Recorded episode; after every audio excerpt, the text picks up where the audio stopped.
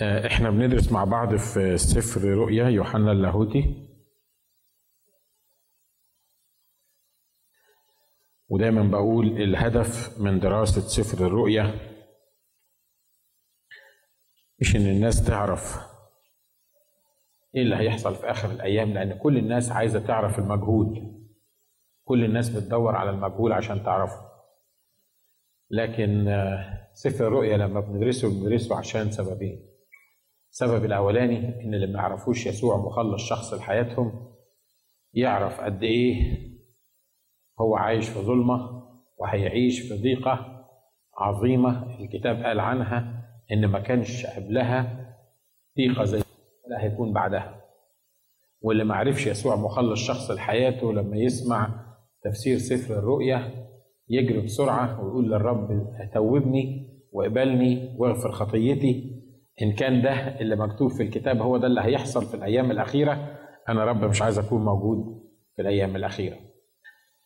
وبالنسبة للمؤمنين لما تسمع سفر الرؤيا المفروض إن قلبك يمتلئ فرح وابتهاج وتشكر الرب وتعظم الرب لأن زي ما قال الكتاب عوجت المستقيم ولم اجاز عليه. غلطت كان مصيري أروح جهنم الأبدية والرب أطلقني حر والكلام اللي موجود في سفر الرؤيا ده أنا مش هشوف منه حاجة. العذاب اللي موجود في سفر الرؤيا ده أنا مش هشوف منه حاجة. عشان كده الناس اللي عرفت يسوع مخلص شخص لحياتها المفروض وهي بتدرس سفر الرؤيا تبقى فرحانة وبتهلل وبتمجد الرب لأنه مش هنروح جهنم الأبدية اللي إحنا بنسمع عليها. ولا واحد قال آمين ولا هللويا كأني بكلم كلهم خطاة مع إن عارف إن عدد كبير منكم يعرفوا الرب. أنا بقول سفر الرؤيا للمؤمنين لما بندرسه بندرسه علشان نفرح في محضر الرب. مش كده؟ واحد كان محكوم عليه بالإعدام وخد إفراج. لما يبقى موجود في المحكمة ويسمع قرار الإفراج بتاعه متهيألي إن هو يبقى very excited وبيشكر الرب على قرار الإفراج ده. آه اتكلمنا المرة اللي فاتت عن الأعداد الأولى آه من أصحاح 12 لما الكتاب بيقول وظهرت آية عظيمة في السماء امرأة متسربلة بالشمس والقمر تحت رجليها وعلى رأسها إكليل من إثنى عشر كوكبا. وهي حبلى تصرخ متمخضة ومتوجعة لتلد. وظهرت آية أخرى في السماء هو ذا تنين عظيم أحمر له سبعة رؤوس وعشرة قرون وعلى رؤوسه سبعة تيجان. آه قلنا المرة اللي فاتت إنه الآيات دي بالذات عليها اختلاف كتير في التفسير وعلى حسب ما أنت تفهم الآية دي على حسب ما تتوقع تفسير الأمور سواء في الأصحاح ده أو الأصحاحات اللي بعده. قلنا إن البعض بيقول إن المرأة اللي ظهرت دي اللي كانت متوجعة وهي تصرخ والبعض بيقولوا دي كانت الكنيسة والبعض بيقولوا إن دي القديسة العذراء مريم لأن القديسة العذراء مريم هي اللي جابت الرب يسوع. عشان كده واضح إنه ابنها اللي إحنا بنتكلم عنه إن هو الرب يسوع المسيح فخدوا أول حاجة بسرعة لما عرفوا إن الابن الذكر ده هو الرب يسوع فقالوا يبقى المرأة اللي كانت اللي بيتكلم عنها الكتاب هي القديسة العذراء مريم. لكن لما ندرس النص ده بوضوح نعرف إن ده مش بيتكلم عن القديسة العذراء مريم لكن بيتكلم عن إسرائيل كأمة. لأن الرب ولد من شعب إسرائيل صحيح بواسطة القديسة العذراء مريم لكن ولد أيضا من الأمة الإسرائيلية. ليه إحنا بنقول ولد من الأمة الإسرائيلية؟ لأن الناس اللي بيؤمنوا إن الابن الذكر ده هو الرب يسوع وإن اللي ولدته سواء كانت الكنيسة أو القديسة العذراء مريم معظمهم بيؤمنوا إن المؤمنين ممكن يعيشوا في الضيقة العظيمة اللي هي السبع سنين اللي إحنا بنتكلم عنها. لكن الحقيقة الكتاب قال عن السبع سنين دول الضيقة العظيمة دي سماها ضيقة يعقوب.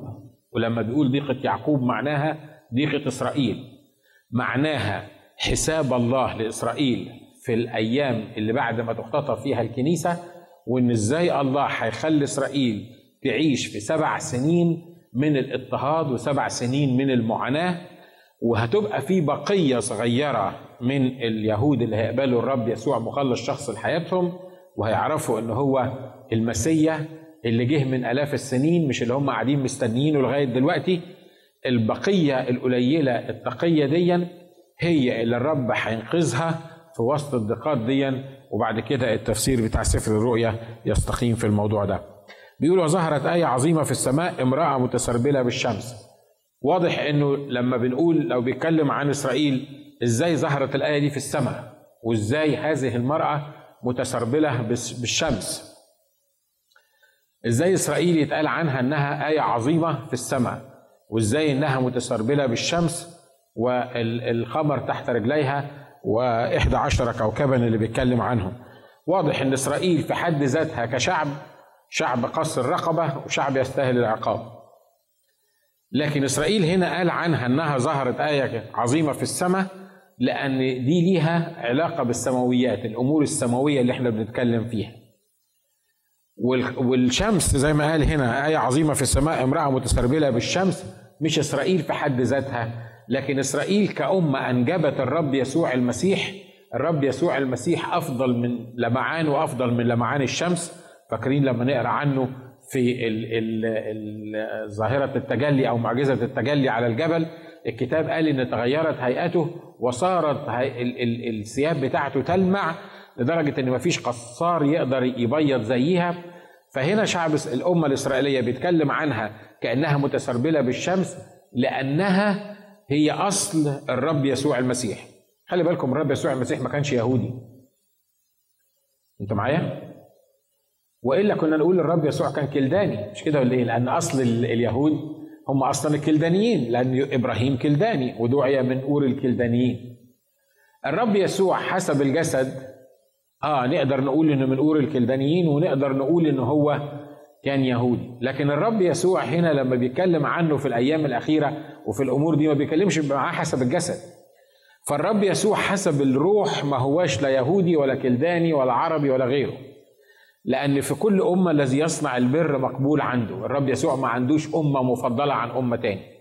ما عندوش شخص مفضل عن شخص تاني. ليه؟ لأن هنا بنتكلم عن الرب يسوع كالإله. والرب يسوع كالإله ملوش لا شعب ولا أمة ولا ناس معينين. في مرة من المرات جم قالوا له هو بيخدم وبيوعظ.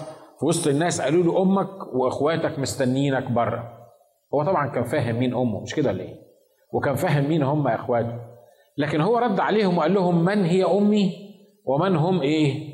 اخوتي مش أمي اللي, اللي جابتني أو إخواتي اللي هم القرايب بتوعي لكن أمي وإخواتي هم الناس اللي بيسمعوا كلامي هم الناس اللي بيقبلوا تعاليمي هم الناس اللي اختبروني أنا المخلص ليهم هم دول أمي وإخواتي.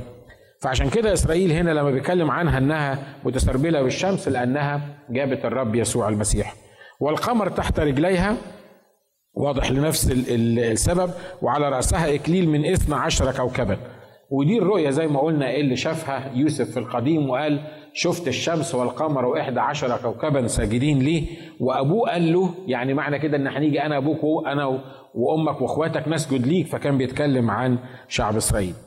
وهي حبلى تصرخ متمخضة ومتوجعة لتلد. وزي ما بنقول إن الرسول هنا شاف الماضي كأنه بيشوفه دلوقتي في الحاضر.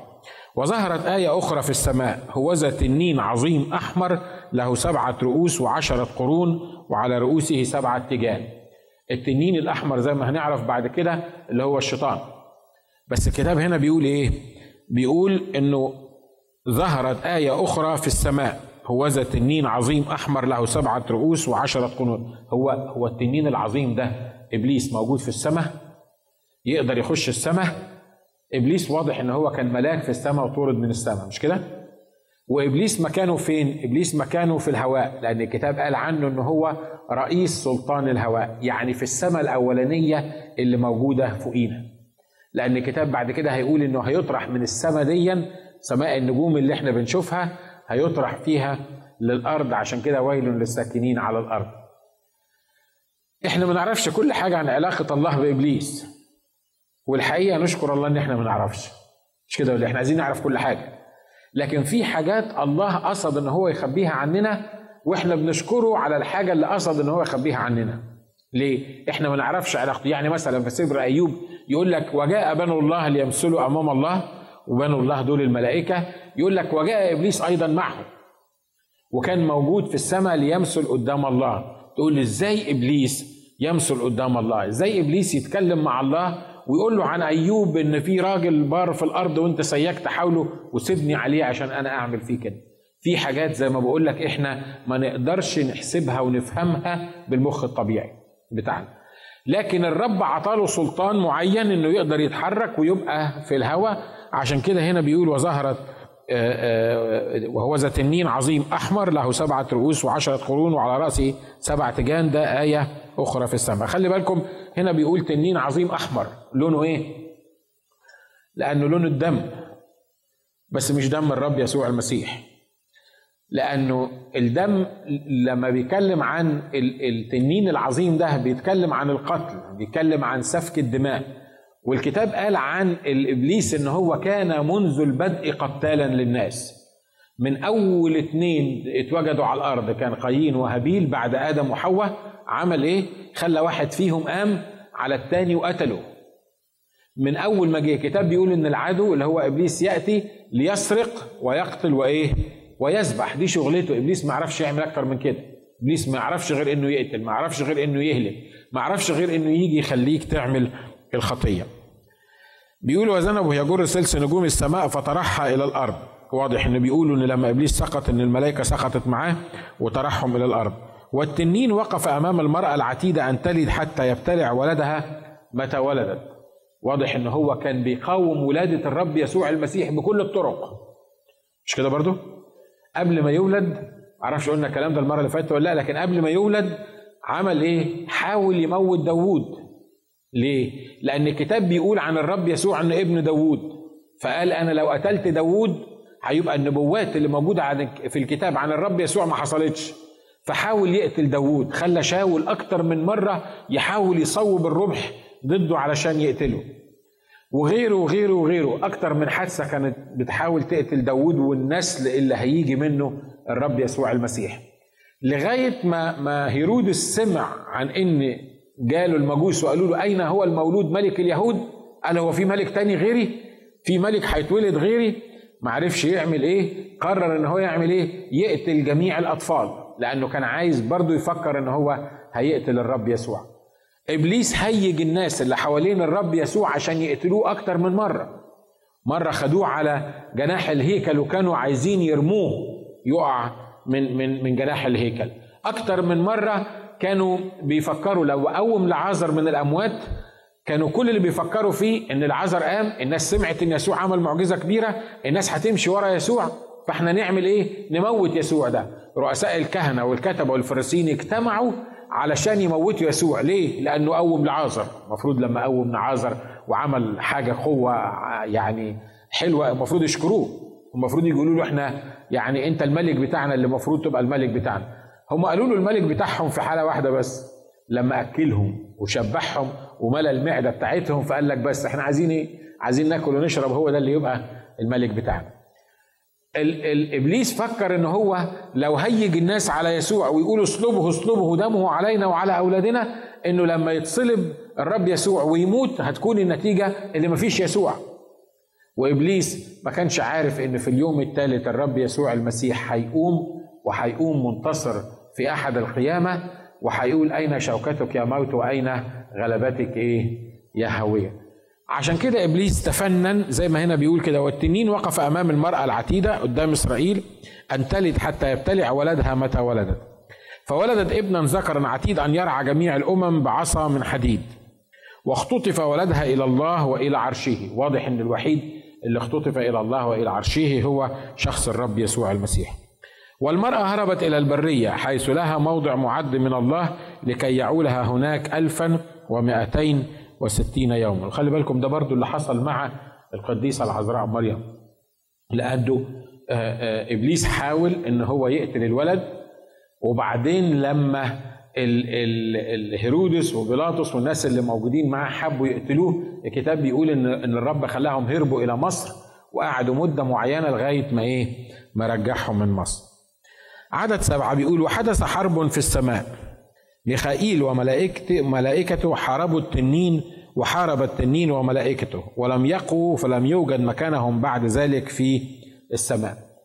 خلي بالكم في الفترة اللي إحنا بنتكلم عنها دي كل اللي إحنا قلناه قبل كده ده كله حصل في ميلاد الرب يسوع المسيح. كل اللي إحنا قلناه اللي فات ده كله حصل. ميلاد الرب يسوع مقاومة التنين ضد الرب يسوع محاولة إن هو يقضي عليه كله حصل. من أول عدد سبعة بقى ده هيحصل بعد كده. تقول لي أنت لخبطتنا هو الرسول شايف اللي بيحصل ولا شايف اللي هيحصل ولا إيه بالظبط؟ الفقرة دي زي ما قلنا هو بيحكي اللي حصل من زمان من ألفين سنة دلوقتي عن ميلاد الرب يسوع وعن صعوده للسماء. لكن بعد كده هيتنقل للفترة بتاعة الضيقة العظيمة والفترة بتاعة الضيقة العظيمة في عدد سبعة بيقول وحدثت حرب في السماء ميخائيل وملائكته حاربوا التنين وملائكته. طيب الحرب دي, دي زي ما اتفقنا بتقول إيه؟ إن في حرب بين ميخائيل وملائكته والشيطان اللي هو التنين وإيه؟ وملائكته. خلي بالكم في اسمين من الملائكة هم اللي ذكروا أو من رؤساء الملائكة ميخائيل وجبرائيل. عزرائيل لم لم يذكر في الكتاب المقدس. عزرائيل اتكتب في, في كتاب تاني. لكن لكن الاسمين بتوع الملائكة اللي موجودين في الكتاب المقدس هم الميخائيل وملائكته. واضح إن ميخائيل كان آه، رئيس ملائكة كان واحد مسؤول من الملائكة قدام الله. حاربوا التنين وحارب التنين وملائكته. واضح إنه زي ما قلنا إن إبليس كان ملاك وسقط ومعاه الملائكة بتوعه. وحصلت حرب في السماويات بين الملائكة وعلى رأسهم ميخائيل وبين الشيطان بين ملائكة الشيطان أو الشياطين وعلى رأسهم إبليس. خلي بالكم ميخائيل وملائكته ما يقدروش يعملوا حرب مع الشيطان وملائكته إلا لما الله يؤمر بكده. إلا لما الله يقول كده. ليه؟ لأن الملائكة ما هماش زي الشياطين. الملائكة ما تعملش إلا اللي الرب يسوع يقوله لها. عشان كده في حرب في السماويات بين الملائكة وبين الشياطين. إيه علاقة الحرب اللي في السماويات من اللي بيحصل على الأرض؟ لا أي حاجة عايز تكسبها في الأرض تكسبها اولا في السماء. نشرح الحتة دي لأن الحتة دي مهمة جدا. خلي بالك إحنا بنقول إن الصلاة بتغير المستحيل بتعمل المستحيل في الأرض صح؟ كم واحد جرب الحكاية دي؟ تعمل المستحيل الصلاة في الأرض. اللي ما تقدرش تعمله بدراعك تعمله الصلاة. اللي ما تقدرش تجبر الناس على إن هم يقبلوه بالصلاة تقدر تعمل الحكاية دي. اللي بيحصل إن الكتاب بيقول إن محاربتنا ليست مع لحم وإيه؟ لحم ودم. لكن إحنا بنحارب مع الرؤساء والشياطين والرياسات وقوات الشر الروحية وأجناد الشر الروحية اللي موجودة في السماء. إحنا علشان نخلي حاجة تتنفذ على الأرض لأن كل مشكلة بتقابلني على الأرض وراها شياطين وراها أرواح شريرة بتحاول إنها تخلي الموضوع دون ما يتمش. تقدر تتابعني في اللي أنا بقوله؟ عشان عشان تركز في الموضوع ده لأن ده ده مفتاح كبير قوي في حياتك الروحية. وهو إن ورا كل مشكلة بتصادفني ورا كل موقف بيصادفني إبليس عامل لي خطة عشان يبعدني عن الرب. قبل ما أجي الكنيسة يخلي الراجل يجي من الشغل. ما تفهمش راكبه شياطين إزاي. ما تفهمش إيه اللي بيحصل ويتعفرت ويقلب الدنيا وبعد ما ميعاد الكنيسة يفوت تبص تلاقوه راق وبقي كويس وما فيش أي مشكلة. بيحصل مرات معانا؟ مش كده؟ طبعا اللي بقوله على الراجل بيتقال على الست لأن ممكن نفس القصة برضه. الست قبل الاجتماع تجننك تحس إنك مش عارف تيجي الاجتماع. وأول ما تقعد ويفوت الوقت بتاع الاجتماع تبص تلاقيها عاملة زي الحمل الوديع. طب إيه اللي حصل؟ إيه اللي ركبها قبل الاجتماع؟ ولا إيه اللي ركبه قبل الاجتماع؟ أصل في حاجة اسمها قوات الشر الروحية اللي بتعفرت الدنيا وبتعمل مشكلة علشان تمنعني عن إني أكون موجود في الكنيسة. أول ما أحب أعمل حاجة روحية للرب أو في حاجة تحصل هتبقى حاجة روحية معايا تحصل تبص تلاقي شياطين الدنيا كلها اتلمت وبتحاول تعطلك عن الموضوع ده. إحنا الحقيقة كلنا بشر وفي الموازين اللي فوق كلنا ما بناخدش بالنا من حكاية الأرواح الشريرة اللي ورا الموضوعات. فأول ما الراجل بيخش مقلوب ويعمل مشكلة أنا بعمل إيه كمان؟ لازم أديله على دماغه عشان يتعود ما يعمليش المشكلة دي عشان أوقفه عند حده وتبقى خناقة بيني وبينه. هو راكبه شياطين وأنا ما فكرتش في موضوع الشياطين ده وما تحددش الناس بتوع الإيه؟ ما تحددش الشياطين دي عشان كده أنا حاربت مين؟ حاربت الراجل المجنون مش حاربت الشياطين اللي موجودة وراه. ويهمه جدا إبليس إنك أنت أو أنت تحارب الشخص اللي قدامك اللي أنت شايفه. مع إن الله بيقول إن محارباتنا مش مع الناس اللي إحنا شايفينها. إن محارباتنا ليست مع لحم ودم. يعني إيه؟ محارباتنا والمشاكل بتاعتنا والخلافات بتاعتنا مش بتاعت الشخص اللي واقف قدام. الشخص اللي واقف قدامي ده في قوة شيطانية بتحركه. أنا كإنسان مؤمن فاهم اللي أنا بقوله على المنبر دلوقتي يبقى أول ما القوة الشيطانية تحرك الشخص اللي قدامي أنا مش هحارب الشخص اللي قدامي لكن هحارب القوة الشيطانية اللي ورا الشخص اللي قدامي. واضح؟ لو أنا وانتوا بنعمل الحكاية دي أول ما تحارب القوة الشيطانية دي وتنتهرها وتاخد السلطان اللي ليك عليها لأن الكتاب بيقول إن الرب أعطانا سلطان أن ندوس الحيات والعقارب وكل قوات العدو معناها إن إحنا لينا سلطان إن إحنا نتحكم في إبليس وجنوده. أول ما تعمل الحرب دي الروحية مع الشياطين اللي ورا الشخص اللي عامل لك المشكلة تبص تلاقي الشخص اتهد والموضوع اتحل. عشان كده خلي بالكم تقول لي ياه ده انت يعني قلت مفتاح كبير قوي. انت في كل مرة يعني بيواجهك حاجة بتاخد بالك من الشياطين اديك انت اللي بتوعظ بتاخد بالك من الشياطين. الحقيقة لا. عارف ليه؟ لأن أنا بنسى لأن أنا بشر لأن ما بفكرش بالطريقة دي. لكن في كل مرة باخد بالي من الشياطين اللي ورا الشخص اللي قدامي أو ورا الموقف اللي قدامي ورا المشكلة اللي موجودة قدامي بتكون النتيجة أنا اللي بنتصر.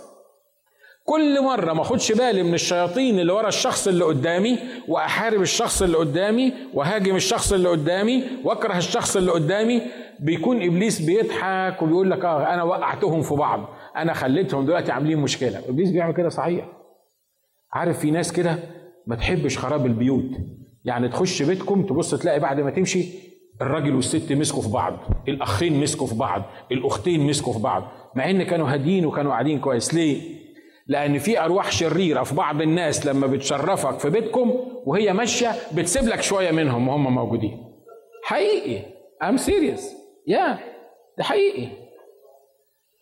وكون النتيجة انت مش عارف الدنيا اتقلبت ليه. ما هي فلانة دي كانت جاية تزورنا قعدت يا دوبك نص ساعة وخدت بعدها ومشيت والبيت ولع بعد ما هي مشيت. ليه؟ أصل المشكلة مش في فلانة. المشكلة إن في أرواح شريرة جابتها فلانة دي معاها وقعدت في البيت هي مشيت وخلتها لنا هي في البيت وهي دي اللي عملت الخناقة وتعرف على طول الموضوع ده من إيه؟ البغضة والكراهية والخناقة والشتيمة والصياح والكفر والسب اللي موجود في البيت ده كله مش أساسه اللي جت زارتني ولا اللي جه زارني إن في أرواح شريرة موجودة بتشتغل في الموضوع ده. ومستحيل تكسب الجولة إلا إذا فهمت إن في أرواح شريرة ورا الموضوع ده وحاربت هذه الأرواح الشريرة. كلكم عارفين إن يوم الاثنين أنا كنت رايح أسجل في التلفزيون. والتلفزيون الاستوديو اللي راح أسجل فيه استوديو كبير جدا والساعة بتاعت الناس اللي بيشتغلوا فيه ما كانش بآلاف تبقى مئات الدولارات ما يستحملش تأخير لحظة. وأنا رحت المطار علشان أسافر بعد الخدمة على طول وصلت هناك الاخ إسحاق نزلني قال لي قال لي مش محتاج حاجة قلت له لأ. قال لي ما أستنى معاك لا اكون محتاج حاجة قلت له لأ ما فيش حاجة بس أنت روح. رحت عشان آخد التذكرة. في حاجة اسمها ال e-ticket الإيميل يعني بالإيميل ال ticket بيجي لك بالإيميل. ما فيش ورقة في إيدي كده رايح بيها. رحت على ال counter الست راحت ضربت على الكمبيوتر كده قالت لي فين التذكرة اللي موجودة معاك؟ قلت لها ما معيش. قالت لي لا لازم يكون في ورقة في تذكرة موجودة معاك. سألت أماني بالتليفون قالت لي آه ده بعتوا لك ورقة أنت ما خدتهاش. قلت لهم لا ما خدتهاش. بقول للست طب الحل يحصل إيه؟ جابت لي ال supervisor وال supervisor بتاع ال supervisor والمدير بتاع السوبر بتاع ال supervisor كل الناس اتلموا. وبعدين الحل إنك تعمل إيه؟ تستنى لبكرة. ليه؟ عشان تروح تجيب التذكرة لأن لما كلمت إسحاق كان عبال ما هيجيني خلاص الطيارة بقت قفلت. قلت لهم طب في طيارة هتقوم بالليل توصل الفجر بكرة. قالوا لي لا الطيارة دي مليانة. مع إن الشيء الطبيعي إن التذكرة بتاعت الظهر هي الطيارة بتاعت الظهر اللي تتملي مش الطيارة بتاعت نص الليل مش كده؟ لكن الطيارة بتاعت نص الليل كانت مليانة. وبعدين أنا وقفت كده على طول افتكرت عملية الحرب بتاعت قوات الشر الروحية. ضحكت كده قلت له اسمع يا إبليس بقول لها هي بكام التذكرة؟ قالت لي 450 دولار. وهي التذكرة كلها ما تجيبش 300 دولار. بس مزنوق بقى. فبتقول لي 450 دولار. قلت له اسمع يا إبليس انت ديتك 450 دولار. مش هتقدر تعطلني عن الموضوع. قلت لها اطلعي لي تذكرة. رحت واخد تذكرة ورحت. الناس كلها نزلت خدت الشنط بتوعها. وأنا واقف مستني الشنط تيجي. بعد تلت ساعة ما فيش حد يعني الناس واقفة وما فيش شنط نازلة. رحت بسأل قالوا لي الشنطة بتاعتك الوحيدة في الطيارة اللي ما وصلتش. فضحكت كده قلت وماله؟ انت يعني ديتك إيه؟ اشتري بدلة وكرافته هي مشكلة؟ معايا القميص واشتري بدلة وكرافته وهسجل بكرة الصبح. وقعدت أتعامل مع إبليس وقعدت أنتهر إبليس. وأنا راجع اكتشفت إن اللي عملت لي التذكرة ب 100 450 دولار دي ما عملتليش الحجز وأنا راجع. ودفعت كمان تذكرة ثالثه انت واخد بالك أنا عايز أقول لك إيه؟ وإحنا بنسجل كان وقت من امتع الاوقات اللي موجوده. سجلنا ثمان حلقات منهم حلقة عن الإرهاب ومنهم حلقة عن الشهداء وكانت يعني الناس العرب اللي قاعدين اللي بيسمعوا بتوع بيقولوا إحنا عمرنا ما سمعنا كلام بالمنظر ده. اللي أنا عايز اقوله إيه؟ ان إبليس لا قدر يعطلني لما ضيع الشنطة. يعني نشكر الله جاتني في الوقت على طول قبل ما اشتري البدلة الجديدة. والحاجة الثانية ديتها كلها إيه؟ ديتها كلها فلوس تقدر تدفعها. بس خلي بالك من حاجة أنا أنا لو كنت يعني بلعت الطعم بتاع إبليس وأجلت السفر لمدة يوم كان باظ التسجيل. مش كده؟ لو قلت مش معقوله هدفع 800 دولار زيادة ويل ادفع 800 دولار زيادة ربنا يبعتهم بأي شكل. بس خلي بالك من حاجة أنا بمجرد ما الست قالت لي كده قلت آه يبقى في بركة في التسجيل يبقى إبليس عايز يمنعني إن أنا أسجل الحلقات دي. هو عايز يمنعني وأنا ماشي بمبدأ كلكم عارفينه. هو أنت عايز إيه عشان ما نعملوش؟ امشي مع إبليس كده بمبدأ أنت عايز إيه عشان ما نعملوش؟ شوف إبليس عايزك تعمل إيه وما تعملوش. أنت معايا؟ خلي بالك هنا في حرب بين إبليس وملائكته وميخائيل وإيه؟ وملائكته. الرب مكلف ميخائيل وملائكته يروحوا يحاربوا إبليس وإيه؟ وملائكته. تقول لي تقول لي دي حاجة غريبة يعني. معقولة إبليس وملائكته يقفوا قدام ميخائيل وملائكته؟ آه. لما تعرف في دانيال الرب بعت لدانيال رسالة عن طريق ملاك. بس واضح إنه كان ملاك صغير كده ما كانش ريس يعني كان ملاك صغير. وعلى فكرة زي ما الشياطين رتب الملائكة رتب. مش هنخش في الموضوع ده لأن ده مش درس الكتاب بتاعنا. لكن الشياطين عبارة عن رتب يعني في عسكري عادي وفي قائد مئة وفي مسؤول عن منطقة وفي ملك. الكلام ده أنا مش بتخيله من دماغي لكن الكتاب بيقول كده إن الرب بعت رسالة لدانيال بيقول لك إن رئيس مملكة فارس أو الملك بتاع مملكة فارس وقف عطل الملاك عن إنه يدي الرسالة اللي بعتها الله لدانيال. يبقى الشياطين ليها إمكانية إنها تعطل عمل الإيه؟ الرب. بس خلي بالكم إن دانيال لما كان بيصلي لما حصل إن العسكري الصغير ده أو الملاك الصغير ده ما قدرش يودي الرسالة بتاعه دانيال بيقول إن جه ميخائيل وعمل حرب برضه وراح إيه؟ الرسالة ديليفرد لدانيال أو اتعاطت لدانيال. أنا بحكي القصص دي كلها ليه؟ عشان عايزك تطلع النهارده بدرس واحد. في حاجة اسمها قوات الشر الروحية بتحاول تتغلب عليك. لو كانوا عملوا حرب مع ميخائيل وجنوده متهيألي ممكن يعملوا حرب في بيتكم. مش كده ولا إيه؟ ها؟ سهل إن يعملوا حرب حرب في بيتكم. ونعيش سنين من عمرنا تعبانين مش قادرين نفهم الشخص اللي قدامنا. مش عارفين هو بيتصرف بالطريقة دي ليه. مش عارف أنا الحرب عليا من كل ناحية ليه.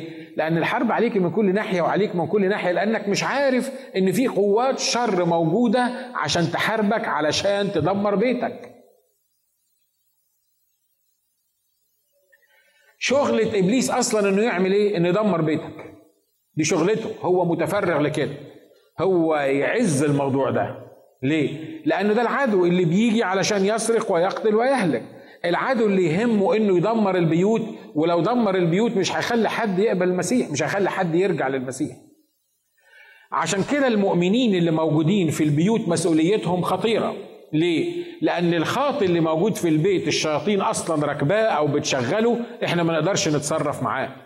لكن المؤمن اللي موجود في البيت لما يطلع من هنا وهو فاهم إن في حاجة اسمها قوات الشر الروحية اللي بتحرك جوزي أو بتحرك ابني أو بتحرك أبويا أو بتحرك أمي أو تفر الشخص اللي بيتحرك أنا لما ابتدي أتعامل مش هتعامل مع الشخص ده واتخانق معاه لكن هتعامل مع قوات الشر الروحية آخد سلطاني الممنوح ليا وأقول له إن الرب يسوع عطاني سلطان أن أدوس الحيات والعقارب وكل قوات العدو. أنا بنتهرك يا إبليس بنتهر قوات الشر الروحية دي بتغلب عليكم بدم الرب يسوع المسيح لأن مكتوب وهم غلبوه بدم يسوع وإيه؟ وكلمة شهادته. آمين؟ وبكده تلاقي الأمور ابتدت تتعدل وابتدت الأمور تفهم إزاي تحصل في بيتكم. بيقول إن حصل إيه؟ فطرح التنين العظيم الحية القديمة المدعو إبليس والشيطان الذي يضل العالم كله طرح إلى الأرض وطرحت معه ملائكته. خلي بالكم إن التنين ده وملائكته كانوا فوق في عرش الله. لما عمل الخطية بتاعته وتكبر على الله الله طرده للسماء باسمه رئيس سلطان الهواء. في الأيام الأخيرة دي حصلت المعركة بينه وبين ميخائيل وبين ملائكة ميخائيل وملائكته هو. فاتهزم مرة تاني وطرد لإيه؟ ونزل على الأرض. تخيل معايا المصايب والبلاوي اللي موجودة في الأرض دلوقتي وإبليس في الهواء أمال لما ينزل على الأرض هتبقى شكلها إيه؟ واضح إنه يا رب ارحمنا مش كده؟ أمين عدد عشر بيقول وسمعت صوتا عظيما قائلا في السماء الآن صار خلاص إلهنا وقدرته وملكه وسلطان مسيحه لأنه قد طرح المشتكي على إخوتنا الذي كان يشتكي عليهم أمام إلهنا نهارا وإيه؟ نهارا وليلا. أول ما إبليس وقع من الهوى للأرض سمعنا الصوت دون وهم فرحانين وبيقولوا إنه إيه؟ الآن صارت الممالك كلها والسلطان للرب يسوع المسيح. لأنه قد طرح المشتكي والمشتكي ده اسم من أسماء إبليس المشتكي ده يعني إيه؟ اللي عنده عيال يعرف الحكاية دي لما يكونوا بيلعبوا مع بعض يجي لك الواد الصغير يقول لك فلان عمل كذا هو طبعا ممكن يكون ما عملش ولا حاجة مش كده؟ أو هو ممكن يكون عض أخوه مثلا وأخوه ضربه يروح جاي لك يمسك فيك ويقول لك شوف أخويا ضربني أخويا اللي عمل الحكاية دي ما يقولكش الجزء اللي هو عمله ولا الغلط اللي هو عمله يقول لك بس الإيه؟ الحاجة اللي عملها أخوه صح؟ مش كده؟ أنتوا معايا يا أباء؟ ها هو ده هو ده اللي بيحصل. فالمشتكي ده بيعمل إيه؟ أول ما يجي الواد يعيط ويقول لك أخويا ضربني. أنا كنت بلعب. تقول له عملت يقول لك ما عملتش حاجة. أنا كنت بلعب معاه وراح عضني مثلا. أنت يحصل لك إيه؟ تتنرفز وتروح رايح على الولد أخوه من غير ما تعرف إيه اللي حصل وتقول له أنت عملت كده إزاي؟ وبتعمل كده إزاي؟ ويمكن كمان تاخده قلمين. نشكر الله إن ما حدش يقدر ينرفز الرب يسوع ابدا ولا ينرفز الله علينا. ليه؟ لأن إحنا أولاده ولأنه عارف إن المشتكي ده عبارة عن إيه؟ عبارة عن واحد كذاب. بس خلي بالك من حاجة. أنت بتنام بالليل صح؟ كلنا بننام بالليل حتى لو نمت ساعة بتنام يعني. في ناس بيناموا ساعتين اتنين ولا ثلاثة بس بتنام. لكن إبليس هنا بيوصف بيقول إيه؟ المشتكي على إخوتنا نهارا وإيه؟ يعني وانت نايم في واحد بيشتكي منك. إيه رأيك؟ أنا عارف ان في ناس حتى وهي نايمة بتعمل مشاكل. صح؟ صدقوني في ناس حتى وهي نايمة بيعملوا مشاكل. لكن خلي بالك إن الكتاب هنا بيقول إيه؟ إن هذا المشتكي يشتكي علينا نهارا وليلا. ما بيزهقش. ما بيملش. واقف قدام الله كل ما واحد فينا يعمل حاجة يروح مشاور له. مرة قلت الكلام ده. تفتكروا إبليس لما بيشاور علينا لله وبيقول له عملوا الحاجات الغلط دي بنبقى عملناها ولا ما عملناهاش؟ عملناها طبعا. مش كده ولا إيه؟ هو كذاب يكذب عليا أنا وأنت قوي. لكن ما يقدرش يقف على قدام ربنا ويكذب. ليه؟ لأن الله عارف كل شيء وعالم بكل شيء. فما يقدرش إبليس يجي يقول له فلان اللي في الأرض ده عمل الغلطة الفلانية؟ لأن الله عارف. هيقول له امشي بره لأنه ما عملش. لكن هو يعمل إيه؟ يلاقينا إحنا بنعمل الغلط كأن الله مش مش واخد باله مش عارف العملية دي مش شايف الحكاية دي. هو يتطوع ويقول له تعالى بص ابعت واحد من الملائكة بتاعتك كده يسمع ناجي بيقول إيه؟ أهو بيتكلم على واحد. أهو أهو بيقول مش عارف إيه. أهو بيتصرف التصرف الفلاني غلط.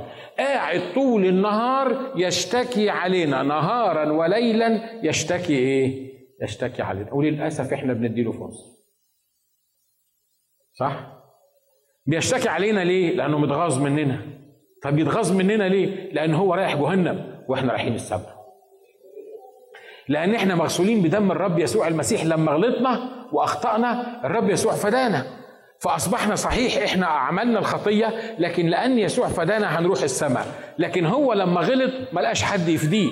الرب ما فداهوش. هو عمل إيه؟ لما هو غلط الرب راح طرحه من السماء وراح منزله. فهو مفروس مني ومنك. فبيعمل إيه؟ هو عارف إنه مش هيقدر يهيج علينا الله.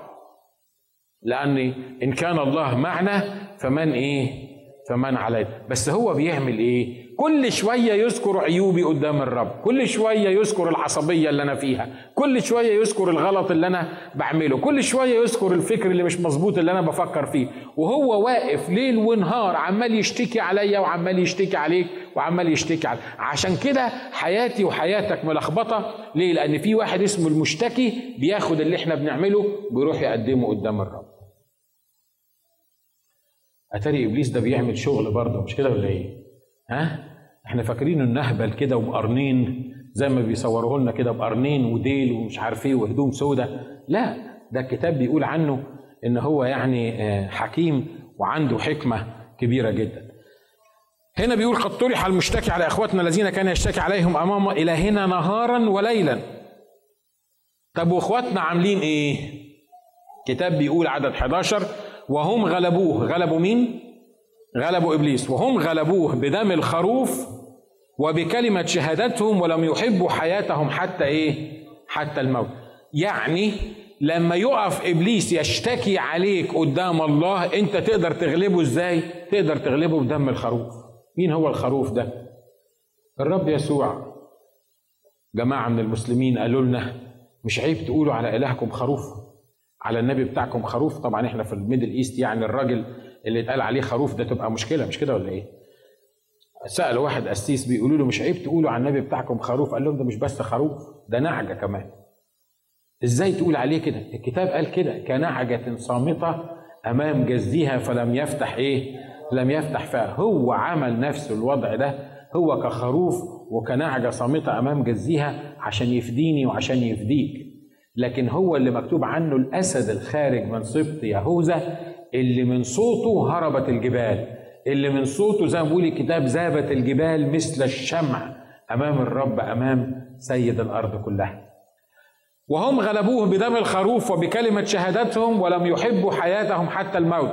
الحتة دي معناها إن لما يكون في حرب روحية بيني وبين قوات الشر الروحية أنا أقدر أغلب بحاجتين. اولا بدم الرب يسوع المسيح. ليه؟ لأن دم الرب يسوع المسيح لما يغطيني ما يقدرش العدو يقرب مني مش ده اللي حصل في العهد القديم لما كان عايز يطلع الشعب قال لهم حطوا الدم على القائمتين والعتبة العليا ليه؟ لأن المهلك يقول أرى الدم فأعبر عنكم أنا لما أشوف الدم ما أقدرش أهاجم بيت عليه الدم العتبتين والقائمتين والعتبة العليا يعني إيه اللي أنت بتقوله ده؟ يعني انت تقدر تغلب ابليس في بيتكم بانك تخلي دم الرب يسوع المسيح موجود على بيتكم. صح؟ الرب في العهد القديم قال إن الملاك المهلك ده هيمشي في وسط الليل وهيموت الأبكار. ودي كانت حاجة مش فن يعني أنا نايم بالليل وابني البكر أصحى ألاقيه ميت. دي, دي, دي مصيبة. والرب قايل لي كده قبل ما يحصل. لكن الحل بتاع إن ابن البكر ده ما يتقتلش هو إيه؟ إن أنا أذبح ذبيحة وأحط الدم منها على القائمتين والعتبة العليا. ما دام فيه إشارة الدم دي على الجانبين بتوع الباب وعلى العتبة العليا بتاعه الباب يبقى الملاك المهلك ما يقدرش يخش بيتنا. والكلام ده لسه موجود لغاية النهارده. لو دم الرب يسوع المسيح مرشوش على بيتكم الملاك المهلك ما يقدرش يخش. لو دم الرب يسوع المسيح ليه كرامة في بيتكم لو دم الرب يسوع المسيح غسلك من كل خطية لو دم الرب لو انت بتربي أولادك وانت بترش عليهم دم الرب يسوع المسيح كل يوم وانت بتستودعهم لدم الرب يسوع المسيح إبليس ما يقدرش يقرب منهم. تقول له أمال بيقرب من عيالي ليه؟ عشان انت مش مغسول بالدم. عشان انت ما قبلتش يسوع مخلص شخص لحياتك. عشان انت ما تبتش انت ليك صورة التقوى حتى لو كنت بتيجي الكنيسة. انت شكلك مؤمن لكن ما عرفتش المسيح مخلص شخص لحياتك.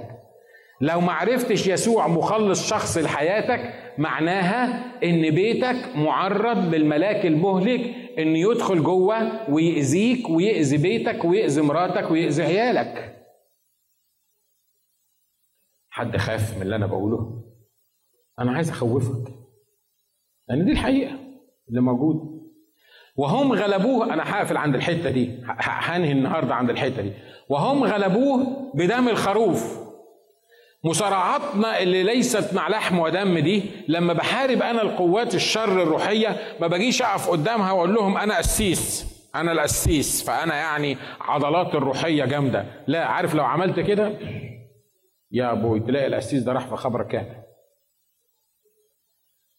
لكن عارف أنا أقدر أتغلب عليها إيه؟ مش بس أنا القسيس أي مؤمن صغير يقدر يتغلب على الموضوع ده ليه؟ لما يجي إبليس يحاول يهلكني أنا أقول له أنا بتغلب عليك بدم الرب يسوع المسيح الدم اللي فداني الدم اللي اشتراني الدم اللي بيرعبك. وإبليس ما يترعبش من حاجة قد دم الرب يسوع المسيح. إبليس ما بيخافش من الناس اللي بيصلوا على فكرة. وابليس ما بيخافش من الناس اللي بيروحوا الكنيسة. وابليس ما بيخافش من الناس اللي بيعرفوا يرنموا. عارف ليه؟ ياما ناس بتعرف ترنم وبتعرف توعظ وبتعرف تصلي وبتعرف تروح الكنيسة. وفي الكنيسة تقول ملايكة يعني ربنا يستر وما يصحدوش فوق ال ال ال السقف. وأول مش مش بس يطلع من الكنيسة يمكن جوه الكنيسة بعد ما نخلص يكفر ويعمل البلاوي اللي ممكن يكون بيعملها. دول إبليس ما خافش منهم. عارف إبليس يخاف من مين؟ من شخص يعرف يستخدم دم الرب يسوع المسيح. الشخص اللي يعرف يستخدم دم الرب يسوع المسيح لما يجي العدو كنهر زي ما قال الكتاب نفخة الرب تبيده اللي يعرف يستخدم دم الرب يسوع المسيح وبيقول لإبليس أنا بحتمي في الدم أنت ما تقدرش عليا إن أنا محتمي في الدم أنت أنت رايح جهنم أنا مش رايح جهنم لأني محتمي في دم الرب يسوع المسيح أنا بغلبك بدم الرب يسوع المسيح ويكون دم الرب يسوع المسيح فعلا باين في حياتك إبليس ما يقدرش لا يهلك بيتك ولا يهلك أولادك ولا يمد إيده على حاجة. حاجة من اللي أمين؟ وهم غلبوه بدم الخروف وبكلمة شهادتهم. يعني كانوا بيعملوا إيه؟ مش بس دم الخروف يعني والحاجات اللي جوه دي لكن هم كانوا بيشهدوا كانوا بيتكلموا بكلمة الرب. كانوا بيطلقوا في الجو آه، نغمة الانتصار. إحنا لما بنتخانق مع قوات الشر الروحية في البيت واجي أسألك أخبارك إيه؟ تقولي لي الراجل الراجل هو هو معذبني زيهم زي ما هو. كل يوم يعمل لي مشكلة. طب والراجل إزيك؟ يقول لي ربنا يجددها ياخدها. أعمل إيه؟ تعبتني في عيشتي. أنا بدي لك مثل بسيط بس عن اللي بيحصل. مش كده؟ مثل بسيط عن اللي بيحصل. لكن الكتاب بيقول هم غلبوه بدم الخروف وبكلمة إيه؟ بكلمة شهادتهم. يعني إيه كلمة شهادتهم؟ يعني بيتحدوا قوات الشر الروحية. بيقولوا القوات الشر الروحية إن الكتاب قال إن أرى الدم فاعبر عنكم. وأنا النهارده بعلن لقوات الشر الروحية إن بيتي مغسول بدم الرب يسوع المسيح وإن أنا مغسول بدم الرب يسوع المسيح وإنت يا إبليس ما تقدرش تخش لأن أنا مغسول بدم الرب يسوع المسيح وبغلبك بدم الرب يسوع المسيح.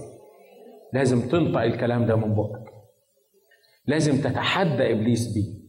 الكلام اللي إحنا بنقوله ده life changing بيغير الحياة. بينقل المؤمن من من حالة الضعف وحالة الشكوى وحالة التذمر مش عاجبه حاجة لا في شغله ولا عاجبه حاجة في بيته ولا عاجبه حاجة في الكنيسة كمان ولا عاجبه حاجة في القسيس ولا عاجبه حاجة في المؤمنين مش عاجبه حاجة في أي حاجة خالص. ليه؟ لأنه مهزوم والعدو حطه تحت رجله مع انه هو اللي المفروض يحط إبليس تحت رجله بس إبليس حطه تحت رجله وهو مش قادر يتحرك.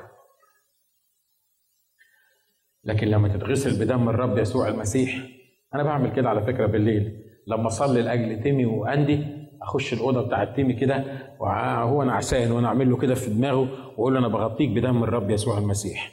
أنا بحميك بدم الرب يسوع المسيح.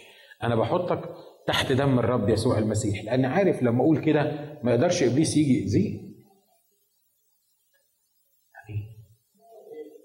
إحنا علينا مسؤولية يا جماعة. إحنا علينا مسؤولية في البيت. تجاه أولادنا وتجاه الناس اللي موجودين معانا تجاه زوجاتنا وتجاه أزواجنا. ليه؟ لأن لو كنت أنت اللي عرفت يسوع المسيح مخلص شخص لحياتك فأنت فتحت عرفت الحقيقة. أنت الشخص أنت المدخل بتاع البيت. لأن الكتاب قال إن كان النور الذي فيكم ظلام فالظلام كم يكون؟ أنتم ملح الأرض لكن إن فسد الملح فبماذا يملح؟ الكتاب بيقول لا يصلح لشيء يطرح خارجا ويداس بإيه؟ يداس بالأقدام لو أنت المؤمن اللي عرفت يسوع المسيح مخلص شخص لحياتك وعايش زي باقي الناس وعايش في الخطية وعايش في التجديف وعايش في التذمر إزاي مش عايز إبليس يخش بيتكم؟ إزاي مش عايز إبليس يتحكم في ولادك؟ إزاي مش عايز إبليس يتعبك في حياتك؟ يو كانت وهم غلبوه بدم الخروف وبكلمة إيه؟ شهادتهم الآية آخرها بيقول إيه؟ ولم يحبوا حياتهم حتى إيه؟ حتى الموت يعني إيه لم يحبوا حياتهم حتى الموت؟ يعني سلموا حياتهم بالكامل للرب يسوع حتى لو حكم عليهم بالموت هم مش فارق معاهم رب بولس الرسول قال كده إحنا إحنا بنحمل في أنفسنا حكم الإيه؟ حكم الموت، يعني إيه حكم الموت؟ يعني بولس الرسول بيقول أنا ميت وأنا بتحرك، تقول لي إزاي هو بولس الرسول كان ميت؟ آه كان ميت. بيقول مع المسيح صلبت لما اتصلب المسيح مع المسيح صلبت. فحصل له إيه اللي اتصلب ده معناه إنه مات مش كده؟ فأحيا لا أنا بل المسيح يحيا فيه، يعني مين اللي حي دلوقتي أنا ولا المسيح؟ أنا ميت أنا مش موجود. وعلى فكرة لو أنت ميت هيبقى رد فعلك يختلف عن الأمور دلوقتي اللي إحنا فيها دي. ليه؟ لأن الميت لما حد بيبص له ويهزقه ما بيتنرفزش. مش كده ولا إيه؟ الميت ما بيدورش على كرامة خاصة ليه عايز يعني يبقى الناس تديله كرامة اللي حواليه لأنه ميت. مش كده ولا إيه؟ ها؟ مع المسيح صلبت فأحيا لا أنا بل المسيح يحيا إيه؟ فيا. ولم يحبوا حياتهم حتى الموت. الرسول بولس كان يروح البلد المعينة. يفضل ينادي بكلمة الشهادة للناس اللي موجودين فيها. يروحوا مسكين مرة قعدوا يضربوا فيه لغاية ما سابوهوش إلا لما فكروا إن هو مات. ويقول لك فعلا هو أولبوست مات. وبعدين لما اتلموا حواليه الإخوة قام تاني. قام عشان يعمل إيه؟ ما قامش عشان يقول شوفوا الناس ضربوني وأنا مسكين وكل حتة بروح فيها بيضربوني ويفضل يقعد يشتكي مش كده؟ ما قامش عشان يعمل كده. كان قام عشان يعمل إيه؟ يقول لك قام وقعد مع الإخوة ووعظ وراح المدينة اللي جنبها عشان يبشر.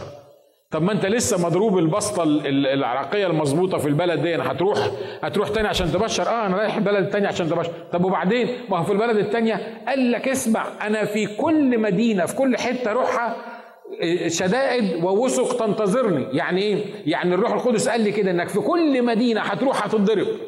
في كل مدينة هتحصل لك مشكلة فيها. طب يا بولس ما تعقل ما تخليك في بيتكم وبشر من بيتكم ولا اعمل قال لك لا لا أنا ليا حكم الموت في نفسي. وهم غلبوه بدم الخروف وبكلمة شهادتهم ولم يحبوا حياتهم حتى إيه؟ حتى الموت. أمين؟ لو نسيت كل اللي قلته لك افتكر حاجة واحدة بس إنك تقدر تغلب إبليس. أمين؟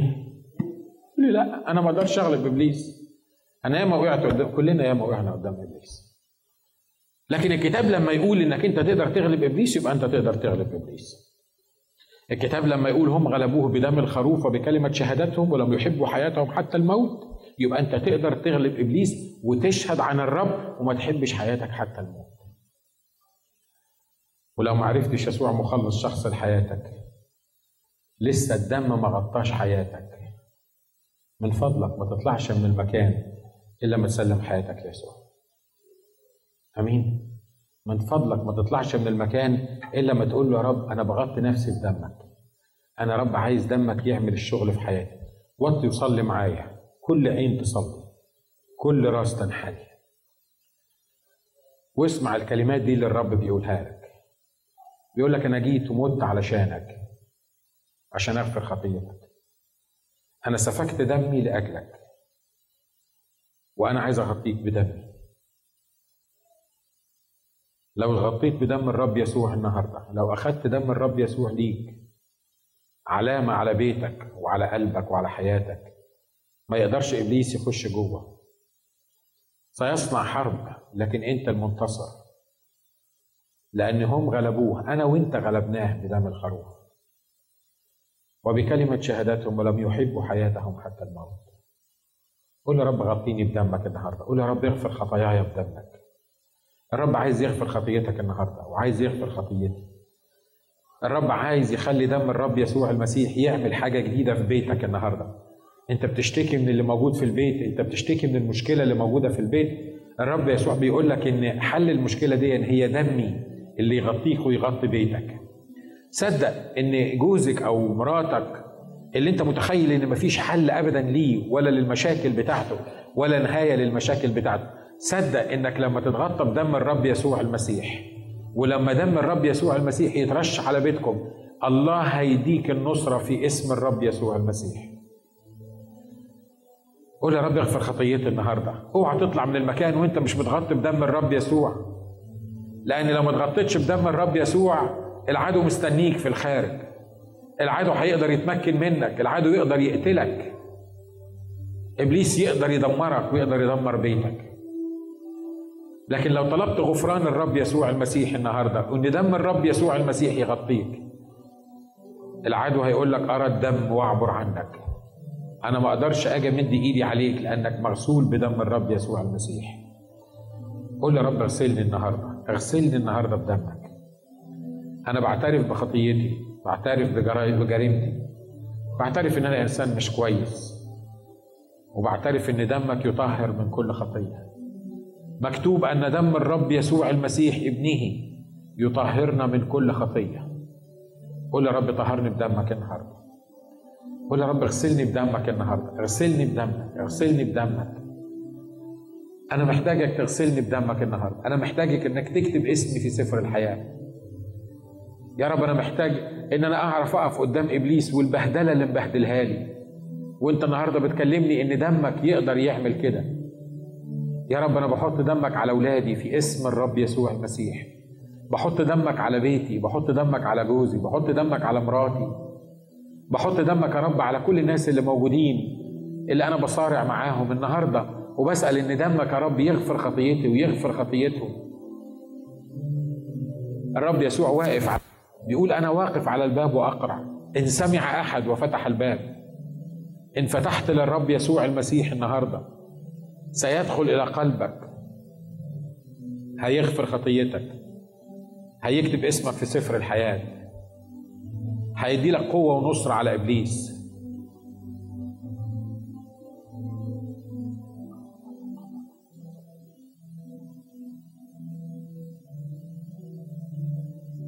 لو كنت عايز تسلم حياتك للرب يسوع ارفع إيدك دلوقتي. شهادة منك على إنك بتسلم نفسك ليسوع. بتدي نفسك ليسوع. قول يا رب بشكرك بشكرك لأنك أنت بتقبلني بتقبلني في دمك اشكرك لأنك مت لأجلي. اشكرك لأنك غسلتني من خطاياي. اشكرك لأجل دمك اللي يطهر من كل خطية. يا رب أنا كنت عمال أحارب في بيتي لوحدي وأنا مش عارف أتصرف إزاي. أتاري دمك هو سر النصرة. اغسلني بدمك النهارده. اغسلني بدمك النهارده. اغسلني بدمك. اغفر خطيتي توبني فأتوب.